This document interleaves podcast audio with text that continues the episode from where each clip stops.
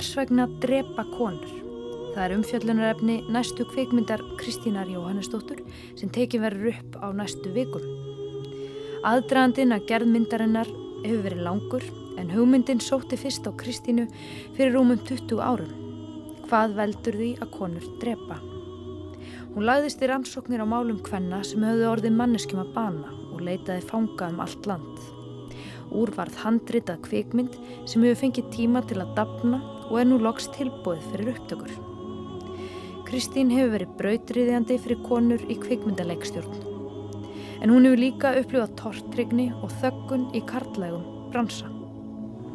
Í þessum þætti af þráðum ætlum að fara yfir ferilennar, áhrifavalda og hugðarefni.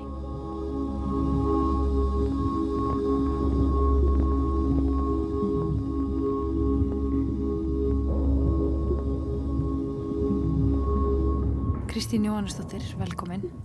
Mér langar að byrja því að spyrja þig hvenar þú fjagst þá hugmynd að þú getur orðið kvikmyndaleikstjóri vegna þess að ég veit að þú fjagst ung áhuga á kvikmyndagerð. Já, ég eiginlega sko held reyndar að þetta hafi, þessu hafi verið sáð þegar ég var smá stelpa, þannig var það að hérna pappi var mikill kveikmynd áhuga maður og hann vildi bara alltaf vera í bíói og hérna notaði hverja frístundis að fara með okkur öll og við vorum mikið fjölskyldan og, og stundum nettu ekki allir og þá var það einhvern veginn þannig að, að ég hafði alltaf þennan áhuga að fara með honum í bíó. En stundum hans mér þetta reyndar aldrei yfirdrifið og ég spurða nú gerðnan af hverju erum við alltaf að fara í bíó Uh, og við sáum allt. Við, ég, ég, gerði mig grein fyrir því síðar að hann formaði mig á mjög hérna, mikilvæga klassík sem að hérna endilega er ekki farin með börn á.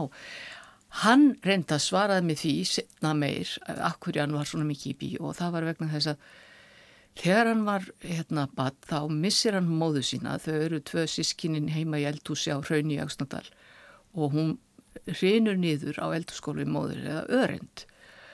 Þau hefðu reyndar sko hérna einhver staðar haft fregnir af því að þegar konan nýgu nýðu þá að skvetta á hana vatni þannig að þau voru þarna fram eftir degi að skvetta vatni á móðu sína og ekkert gerðist en þetta var svo mikill harmur fyrir hann og það eina sem að leinaði þjáningarnar eða gætt dreft hugans næstu árin var einmitt að fara í bíó. Og hérna þess vegna einhvern veginn var þetta bara vani þegar hann einhvern veginn uh, lendi í uh, innri einhverjum átökum eða sásöka þá fór hann í bíó. Og uh, þetta varð svona eiginlega sálarheill fyrir hann bíómyndir. Og þegar ég áttaði með þessu þá fór ég fyrst verulega að hugsa um hvaða hérna áhrifavaldur þetta væri bíómyndin og, og hérna það, ég held að það sé kannski það fyrsta sem að ég er að pæla í þegar sko svona augum mín beinast í þessa átt. Hins vegar man ég mjög vel eftir bara mómentinu þegar ég sko ákvað já, herðu, ég get gert þetta. Stóð hérna við glukka upp á hérna þriðju hæð á lögaveginum og þar var hérna maður og, eða fólk með tökuvélar og ég fekk að horfa í gegnum tökuvélina niður á lögavegin og fylgjast með fólki sem var að lappa þetta og bara þetta að ramma inn einhverja, einhvern einstakling að þá var um leið til saga og þetta fannst mér einhvern veginn svo sterk upplifun að þarna bara ákveð, ég ætla að gera þetta. Þarna var ég á 17-18 ára.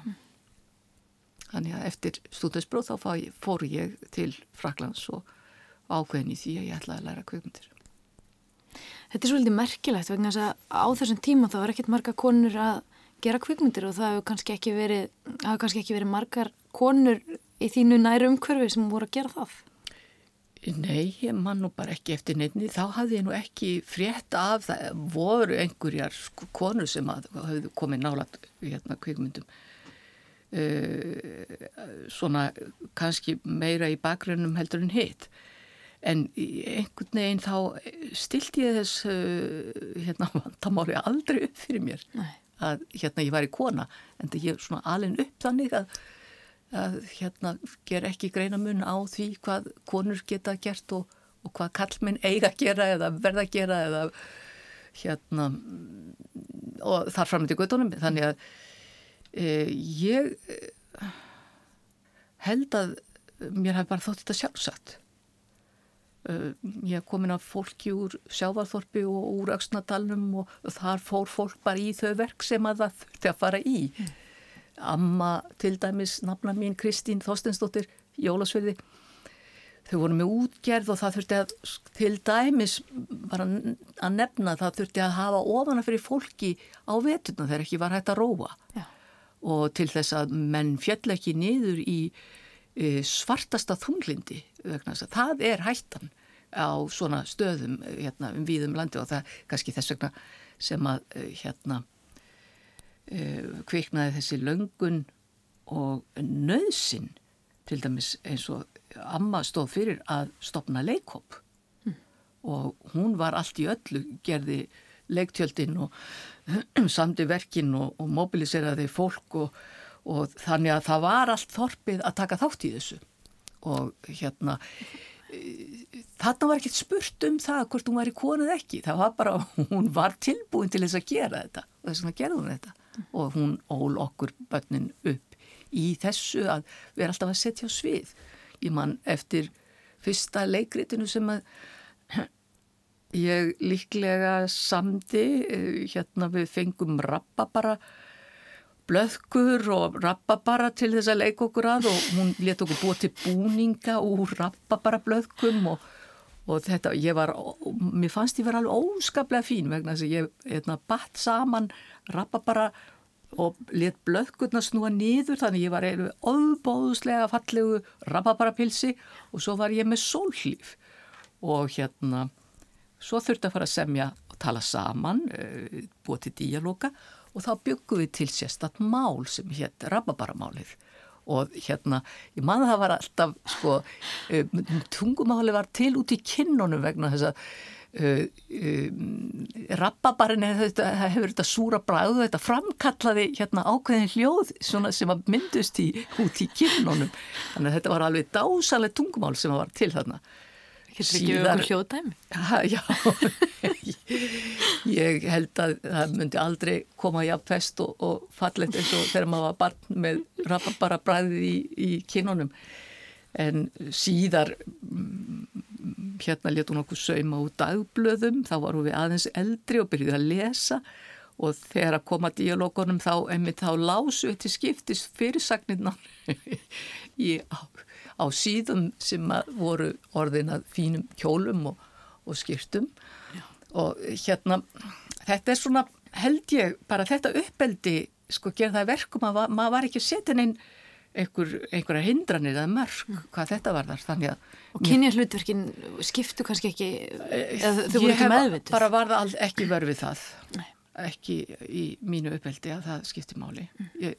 fólkdra mínu vildur reyndar ég er því lögfræðingur en hérna voru svona alltaf að reyna að planta inn svona áhuga á því og hérna einhver tíman ætlaði ég að verða lögfræðingur en, en svo bara þróast fólk og, og menn voru mjög sattu við þetta heima En var bíóþerapíst fyrir þér eins og föðurðinum og eins og þetta leikús virðist hafa verið í sveitunum? Sko ég held að bíó sé það alveg eins og ekkert síður heldur en leikús. Leikús er upprunalega í, sagt, skapað eh, hjá gríkjónum í þeim tilgangi að vera svona ormarinsun. Sko þessum hérna þjáningum sínum og, og hérna áhyggjum og uh, svona neikvæðum uh, hliðum og einhverjum farangri sem að menn höfðu úr frá ómunna tíð og ég held að, að ekki síður kvikmyndin sé þess eðlis að þú getur losað þig við ansi marga ruslauga mm. bara með því að horfa á, á bíu og spekulur í þeim og, og síðan gengur út og, og þú ert laus, mm. frjáls, byrja upp á nýtt Hvenar tókstu þá svona þín fyrstu skref í átt af því að verða kvikmyndarleikstjóri? Ég fer út til um, Fraklands og hérna byrja í Montpellier, uh, prófa hans og sagt, Suðu Frakland var svona mitt annað sko, einhver uppeldi stöð sko. Og þarna læriði ég alveg ótrúlega margt og, og leið vel og þar var fyrsta professorsembətti hérna skapað í kvimdafræðum og ég fór í kvimdafræði með bókmyndafræðinni líka. Það tók þetta sameilega þannig að ég er sagt, með lísans uh, í bókmyndum með kvikmyndafræði uh, og síðan sérhæfi mig í, á mastergráðu og, og nei hérna doktorsgráðu í, í kvikmyndafræðum. Og fer svo meðfram í skóla í París í, í kvikmyndalegstjórn. Svona það eiginlega blasti við að ég myndi eiga feril sem kvikmyndafræðingur og, og hérna kennari. Það var nú fordæmið hann í Montpellier Það var kona sem að, hérna, Íslendingur sem að uh, lærði þarna og settist þarna að og, og var profesor með, hérna, Norrandeldina þar. Og uh, ég, ég fekk mikla kvartningu frá profesornum að, að svona halda áfram og, og hérna, svona með tíu tíma vinna mig upp í innan kveimundadildarinnar. Svo bara gerðist það einhvern daginn uh, að uh, ég einhvern veginn bara kom að vekk ég, og sagði við sjálf mér, ég get þetta ekki meir, ég get ekki verið analisti alla æfi mm. og þá einhvern veginn hafði hérna leið í dvala þessi sko skapandi hérna kraftu sem að ég var alveg nöfið. Já, stelpan í rababara pilsinu. Já, það var rababara stelpan sem að bara hérna bankaði upp á og, og ég bara settist niður og skrifaði handrit og var mjög innblásinn Og það er handritið að hjara veraldar? Það er hjara, hjara veraldar, já. Mm. Og það er svona eiginlega óður til eh, hérna upprunans. Þetta er svona íslensk náttúru og mér fór að dreyma mikið íslenska náttúru á ákveðinu tífambili að ég ætlaði nú aldrei að koma hingað aftur. Ég var algjörlega ákveðin í því að ég ætlaði bara að setja stað í Fraklandi. Mm.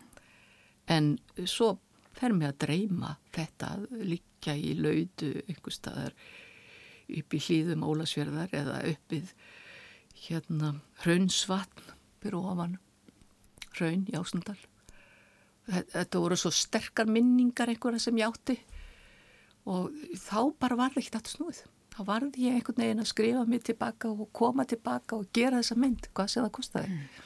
Og lístu þá aðeins handritinu að, á hjara veraldar, svona hvað var það sem þið langaði til að setja saman í, í þá sögu?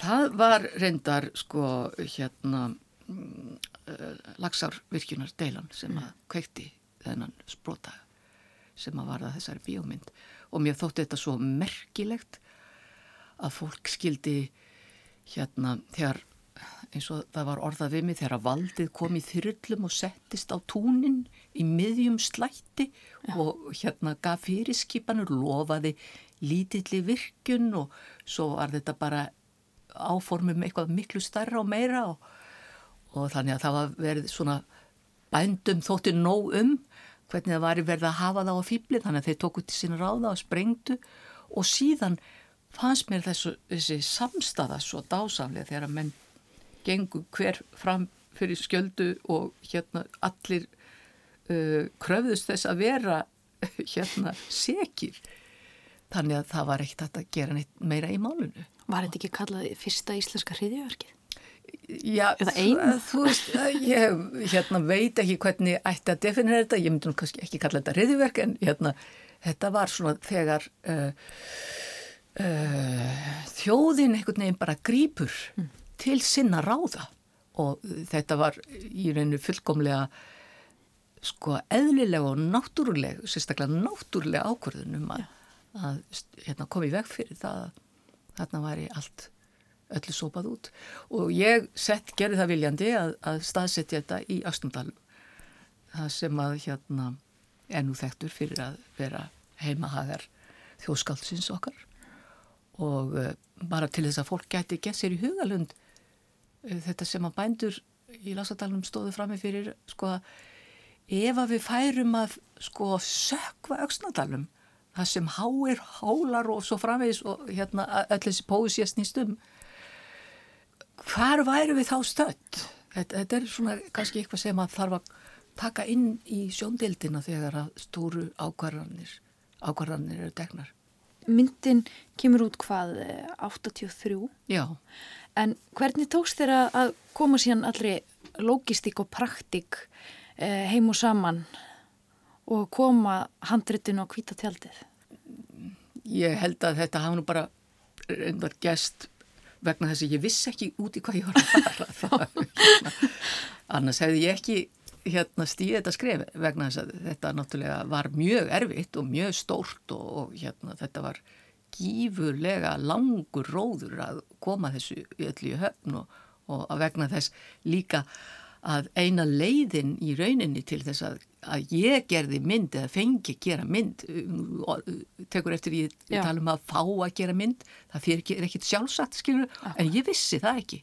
Þannig ég bara lagði á stað og fjármagna þetta með bankalánum sem að hérna eru eins og þau eru, við höfum kynst í hvað þau geta hérna umbrist og orðið bara martröð sem það gerðist reyndar í, líka í þetta skiptið sko það var engin spurning ég ætlaði að gera þessa mynd og ég gerði hana og ég er mjög glöð þrátt fyrir alla þessi erfileika sem maður rataði í og, og allar hindrannar og, og viðhorfi sem kom fram eh, líka sko að hérna hvað er þessi stelpa þarna frá París að gera upp á dekk það mm -hmm. þóttu nú líka alveg óbáslega sérkennilegt og uh, svona varhugavert og það skapaði einhvern rosalega óta fannst mér Fannstu fyrir smjörþefunum af þessu í fyrsta skipti þarna? Já, já, það var hérna reyndar sko mjög greinlegt en það var miklu skýrara tíu árum síðar þegar ég gerir svo að gjörðu þetta var líka svo óvænt menn vissi ekki hvernig þetta bregðast við þessu þau voru bara ekki tilbúin með vopnin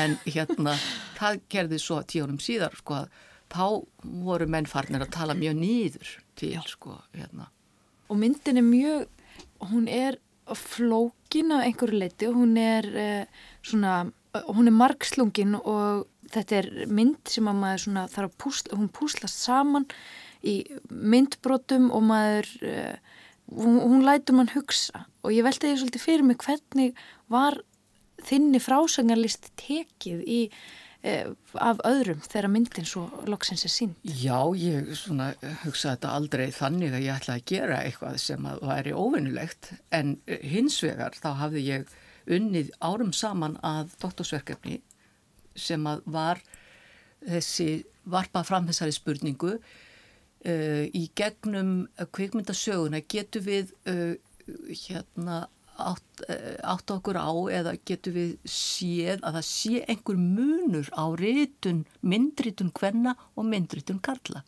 Hvernig búa konur sé til tungumál sem að sko er, eru að endurskapa einhvern heim og allt í hennu bara uppkvötuði þarna það var hópur hvenna á þessum tíma sem að hérna voru mjög framalega í kumdalegstjórn og handritagerð og, og hérna, ég tók mjög hérna skýrt eftir því að þær voru allar að leita að einhverju personulegu en það átti eitthvað samílegt og það var uh, hérna að sjónarhótt þeirra var allt annað heldur en kallana sko þeirra frásagnarmáti eða narratífan var öðruvísi, hún var ekki svona samhangandi, allt umleikjandi með þetta guðs auga sem að dómineraði allt. Heldur voru þær einmitt hérna í að púsla, endur púsla heiminu saman úr einhverjum brotum sem að það sátu með í bjöndunum. Uh, þetta er ekki... Uh, sjónarmið eða sjónarhótt uh, valdhafa heldur einhvers sem að hefur orðið undir sem að setur uppi með brot mm. vegna þess að það er kannski saga hvenna við erum alltaf uh, hérna, til í sögum annara og það er að segja kallmannana þegar mm. við erum alltaf að segja okkur hvaða sögu við eigum en svo eru við að reyna að skapa hérna nýja sín á uh, konur og hún hlýtur það bara liggur í hlutarins eðli að hún getur ekki nota þetta dominerandi hérna frásagnaform eins og, eins og kalla myndir gera En var henni slátrað eða fekk hún góða dóma? Það var hérna ótrúlega sterkar fylkingar Já. með og móti. Það var ekkert inn á milli sko. Ég lærði mm. mikið á því en ég öðlaðist þarna alveg ótrúlega magnaða fylgjendur. Til dæmis var Medusuhópurinn svona hérna breyðfylkinga bakuð mig alveg þeir hérna tóku mig algjörlega sem hérna einhverja stærð í þessum neosurrealisma og kannski var það vegna þess að þeir þau sáu Björk og Sjón og Jóhammar og, Þór Eldon og þetta voru dásamlegir krakkar og mm. hérna þau sáu að þetta snýrist um sama viðfánsefni og þau voru að gera. Mm. En þú notar þarna orð neosurrealismi sem er einmitt, mér finnst lýsa myndinni.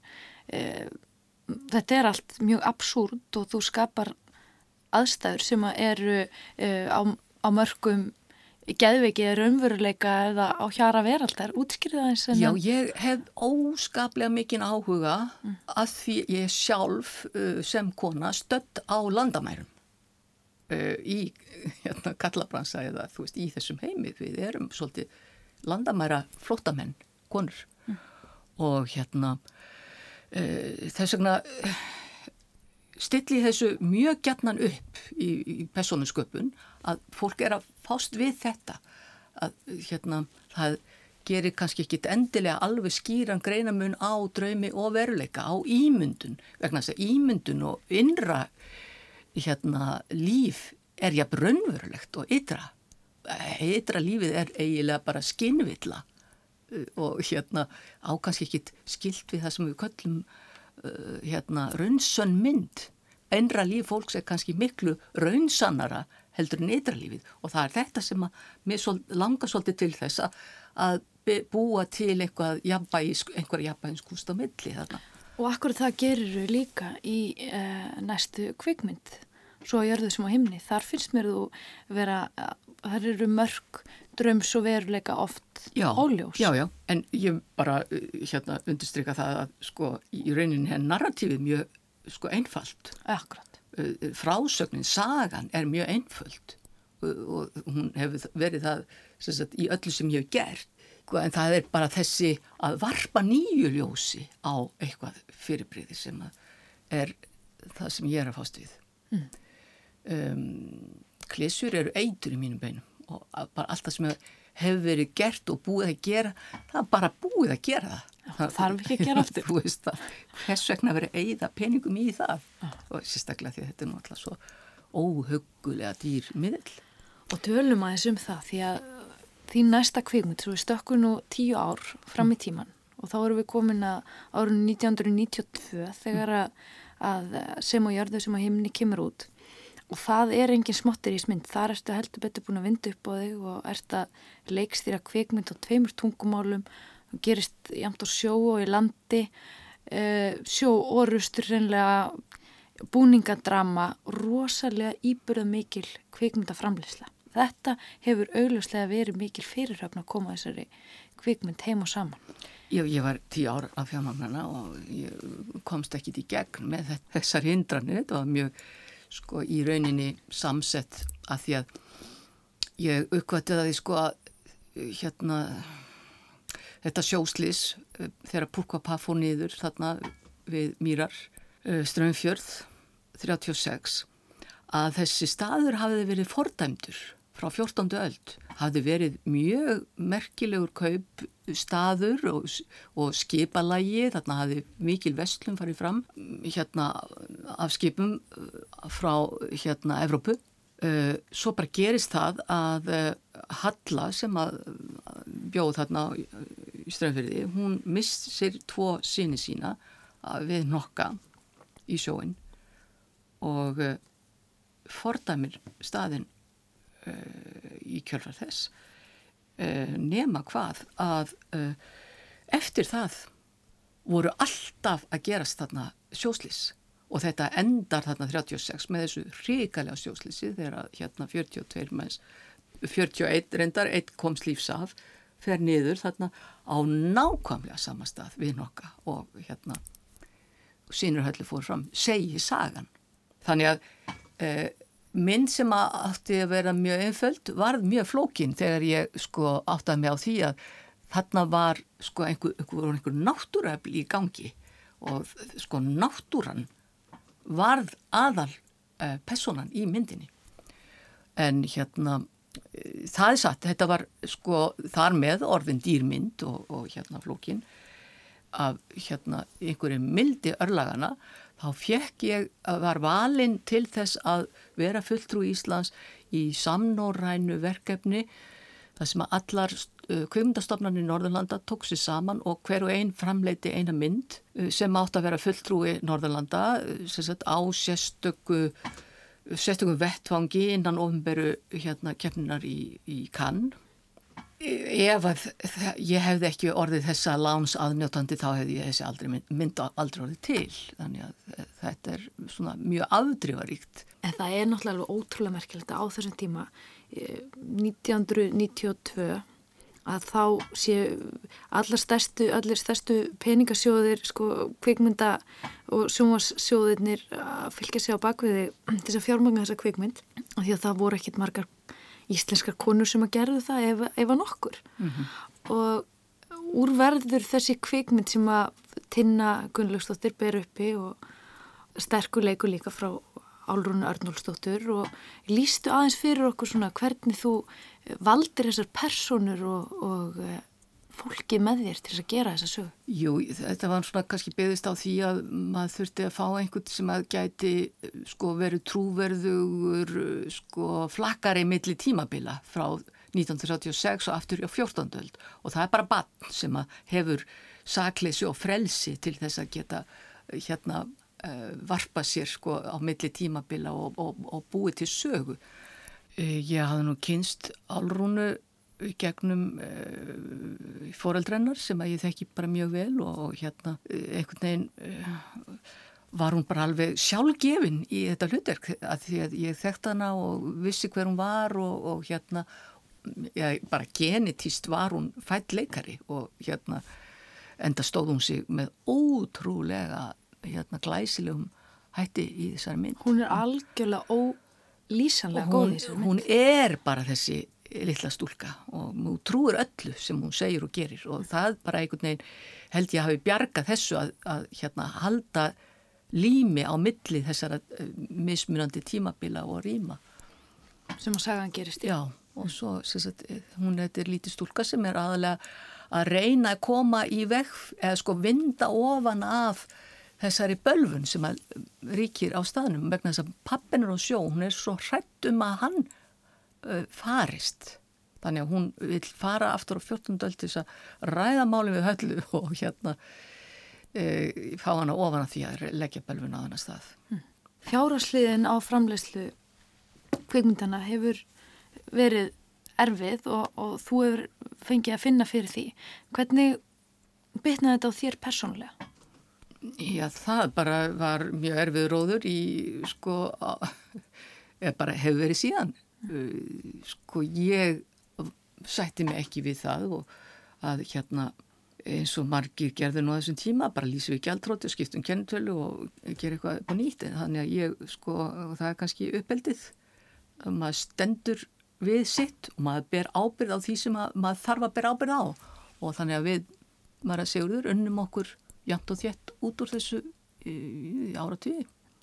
Hafið það uh, sitt að segja vegna þess að eftir svo jörðu sem á himni að þá líða rúm 20 ár þángar til að þú ert að fara í upptökur á þinni þriðju stóru kvikmynd? Já, ég hérna reyndar var með mörg handrit í gangi sem ég var að sagja um svona hérna á, árum saman eftir, eftir svo jörðu Eh, nú menn sá ekki einhvern veginn flöta á því að, að hérna fjármagna það uh, og ég get ekki fullist að akkfurju það bara var ekki því var ekki tekið, það var einhverja, einhverja aðri sem gerði mynda og mér fannst þetta reyndar sko orðið mjög dölafullt skilur, þá fer maður að spyrja sér spurninga uh, hvernig er á, hvernig fara ákvarðanir fram og ég veit það, allt val er subjektíft val. Já. Þú getur ekki þóst vera fullkomlega objektjúr og faglegur. Það er bara alveg útlokað. Þú lístir því á opnu fundi sem að var nú fyrir skömmu í Tjarnabíói þar sem að var verið að ræða hvort að þetta setja til dæmis eh, kynjakvóta og útlutanir og kveikmjöðasjóði. Og þar varst þú með innleg sem að mér þótti mjög áhugavert og þú sagðir eitthvað í þá veru að, að þú óskaðir engum þess að upplifa e, það sem að þú hefur gengið í gegnum, það er að fá ítrekkaðar hafnanir og í raun og veru að komi væri vekk fyrir að þú gætir yfkað gæti yfkað þína íþrótt í, í órófinni samfellu Já, sko þetta er bara mjög alvarlegt mál og Já. þetta er ekki bara í kvimdagerð, þetta er í öllum sko uh, hérna greinum það sem að sko liggur þekking og mentun á bakvið að til þess að sko ná því að verða meistar í greininni þá þartu samfelda yðkun. Það sem að, ja, ég, það sem ég, ég vildi sagt hafa, það er mjög alvarlegt að koma í vekk fyrir það að einhver geti sko skapað alvöru feril í kvikmyndum að því að þetta er svo stórt og þetta er svo erfitt og þetta er svo mikilvægt. Staðakonunar og, og ójabrétti er stef í því sem þú ert að gera og stef í því sem þú ert að segja mér hérna og líka stef í þinni næstu kvikmynd. Þetta er svona eins og einhver orðaða ágættis manniskja svona hérna um örafi mennskunar. Þetta er að verða hérna, velta fyrir sér hvað er mennska og hvenar við hættum að hafa okkur eins og mennskar verur og förum að hafa okkur eins og einhverjar, villimenn eða þetta þunna lag sem kallast siðmenning sko. Svo eh, einn personan í myndinu orðar það þessi örþunni ís hmm. Sem getur verið hættilega sem að sko brotnar við minnsta álag. Og það er ekkit eh, við horfum bara á, á hérna, heimsfrettir undanfarin 20 ár þá sjáum við að óskup venjulegt fólk geta frá degi til tags breyst úr dagfarsprúðu fólki góðum nágrönnum sem að hérna, grilla saman í það að breytast í sko þvílíkar skefnur að þeir fara með hérna drápsvopn í næsta hús, drepa og nauðga og hérna eigða lífi alveg óendanlega uh, í einhverjum stærðar hlutvöllum sem við getum eitt ímynda okkur endar. Þetta, er Bosníu stríði og þetta er hérna Rúanda og hérna og núna sko eru við stödd inn í þessum ríkalega harmleik þar sem við sjáum allt í hennu bara að fólk breytist, þú veist uh, þú séð örvvæntingu heila þjóðar sem stendur fyrir fram að þig. Og, þú, og menn breytast bara allir villitur frá að skjóta á fólk. Þetta er kannski spurningin í þessari mynd sem ég er að fara að gera. En ég veit að það eru 20 ár síðan þú fórst að skoða eh, mál hvenna sem hafa drepið og hvers vegna konur drepa? Já, þetta er nú svona kannski hluta því, eh, sko, konur er svo góðar, það er svona einhvern veginn þess að við erum svona meinleisa vegna þess að okkur er haldið í skefjum. Eh, svo fór ég bara aðtöða þetta hérna frétti af konu sem var inn á réttargeðdeild vegna þess að hún hafi drepið mannin sinn og hérna ég kynntist henni þannig að ég sá ljóðabók sem hún hafi skrifað. Og hérna hún hafi sem sagt hérna gaugað sig þannig að hún var orðin ljóðskáld og var náttúrulega orðin drottningin á staðinum fyrir vikið. Að því að hún hafði þá komið sér upp þessu öfluga tæki mennskunar að, að höndla tungumálið til þess að byrta sko sína heimsín tungumálið eh, sagt, er það sem að hérna, gerur okkur ólíkt dýrónum Svo þá fór ég að rannsaka þessa konu af svona bara forvittnast um hana og áttaði mig á því að það var ekki bara hún heldur þessar konu sem hefðu verið hérna lend í svipuðum aðstæðum að drepa mennina sína að í öllum tilfellum voru þetta konur sem hefðu sko, hafði verið mistrymt og óðbóðið og hérna misnotaðar og börnin þeirra líka og sko það var alltaf síðasta halmstráði í rauninni í flestum tilfellin það var sko þegar að bönnunum þeirra var oknað þá bara allt í einu brast eitthvað sem að þær eru ekki til frásagnurum vegna þess að þær munað ekki. Þetta er svona í geðrófi sem að þær fremja þessi hérna morð. Og þetta fannst mér mjög merkilegt. Það eru ekki sko uh, ég veit ekki um neitt tilfelli sem að augljóslega var framið bara tærri ílsku bara af löngun til þess að drepa Ertu þá að, að segja í raun og að þú hefur komst þeirri nýðastöðu að konur drepi af allt öðrum ástöðum heldur en karlar? Já, sko, ég bara svona fekk staðfestingu á þessum dæmum. Ég er ekki aðlæfa og uh, síðasta manniskendis að fara aðlæfa um nokkuð skapaðan hlut en þessi tilfelli sem við höfum hér, öll þessi tilfelli hafa verið í nöðvörn. Og þá erum við að tala um morð eh, sem að íslenskar konur hafa fram. Já. Já. Og hvernig fléttast þetta viðfónsefni inn í þitt uh, handrit sem að núna býður eftir að, að verða tekið upp? Já, þetta er uh, ungstúlka sem að hérna lendur í því að sko hverfa svona inn í dópheiminn og hún veit svo smegt vola mikið að sko því hvað er að gerast í kringum hana en, en hérna það virðist hafa verið fram með morð á kærastanum hennar og það bendir allt til þess að hún hafi fram með þetta morð. Hún man ekki neitt en hún er samfærð um það, eða sko menn sannfæran um það að hún hafi fram með þetta morð þannig hún játar þetta á sig að einhverju upprunalegri sektarkend þessi reynda stúlka þetta sérstakar dæmi e, sko hún á sér mjög um, erfiða forsögu frá því hún er þryggja ára verður fyrir mjög alvarlegu tráma.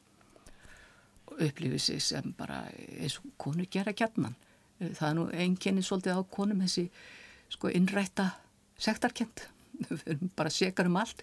Uh, en sagt, þessi unga stúlka situr inni ósakæfur endar og hérna í sjár og þá komast menna því að þessi maður er bara sprelljandi út í heimi. Hún hefur þá kynst samfengum sínum sem að allar hafa sína sög að segja og hérna hefur lært ímislegt að þeim hérna fyrir að spekulera og en hérna hún ákveður það þegar hún e, þetta kemur í ljósa, hún er ekki morðingi vegna þess að það var ekki morð framið að hún ætli bara að drepa hann mann hún er hvað sem er búin að aflána og það, það svona rýs upp einhver sko frum kvöt hjá þessari konu að sko það er hendin hendarlosti já. Uh, og hún bara leggur á stað í það verkefni að undirbúa það hvernig hún ætla að drepa hann. Og ég ætla nú ekki að uppljóstra því það er mjög skröðlegt en hérna svo kemur hún bara náttúrulega að, að einhverjum hverfum að þú veist hún bara átt að sjá því. Hún er ekki móðingi hún mun ekki drepa hérna, og þá sagt, fer svo margt annað að breytast í hennar lífi líka. Og í þetta hlutverk hefur þú þegar valið leikonu? Já, Elma Stefania með ótrúlega hérna mjög tilfinningarík uh, ungleikona, mjög góð og mjög samfærandi og ég held að hún muni sko ekki síður en álrún á sínum tíma vera þessi sannleiks sko hérna e, bara tjáltæll eða, eða hotsteinn sem að þarf í svona mynd sko. En svo er náttúrulega alveg ótrúlegt safna dásamlega leikur með bara bestu leikara landsins þarna er hérna Snorri Engibert á mótinni leikur þennan kærasta sem að mæti svo til landsins og Og þau hefðu nú leikið saman á þér? Þau hérna gjör þekkjast og, og hérna það er náttúrulega bara mjög fínt samband og maður eðlilega uh, græðir á því. Já. Og síðan er Hilmi Snær og Þröstu Ljó og Krisbjörg Kjell og Emanuel Rífa og, og hérna uh, svo er geteldin að það alveg ótrúlega konur. Margret Guðmundsdóttir, Magnea Björk og, og Ardís Hrönn og Ólafíja Hrönn og þetta er alltaf alveg einvala lið. Mm. Og þú komin á gott uh, ról og orðin vel þroskuð, þú lýsið í einhverju viðtala síðan lasið en daginn að þú væri farin að ná vel utanum þínar upplifanir. Uh, heldur að, að þú sért komin á góðan aldur til að leikstýra? Uh, það er alveg augljóst að með meiri þroska, meiri þekkingu þá hérna, verður betri í öllu sem hún gerir. Uh, og mér finnst það náttúrulega kannski eitthvað sem að menn eru ekki alveg að taka með inn í reikningin, það er þroski. Og hérna fyrir utan náttúrulega mentun og, og hérna reynslu og allt það að það er þessi ótrúlega mikilvægi þáttur í farið fólks og það er þegar þannig er þroska. Til þess að geta miðlað einhverju sem skiptir máli til annara ef að menn vilja þykja það svo er ekkert víst að menn vilja það en ég vona bara og treysti að, að þessi mynd muni geta miðlað einhverju mikilvægu til fólks. Látum þetta vera að loka orðin. Kristín, takk kærlega fyrir komuna og þá eru spennandi að fylgjast með þessari kvikmynd. Takk að þér með um fyrir mér.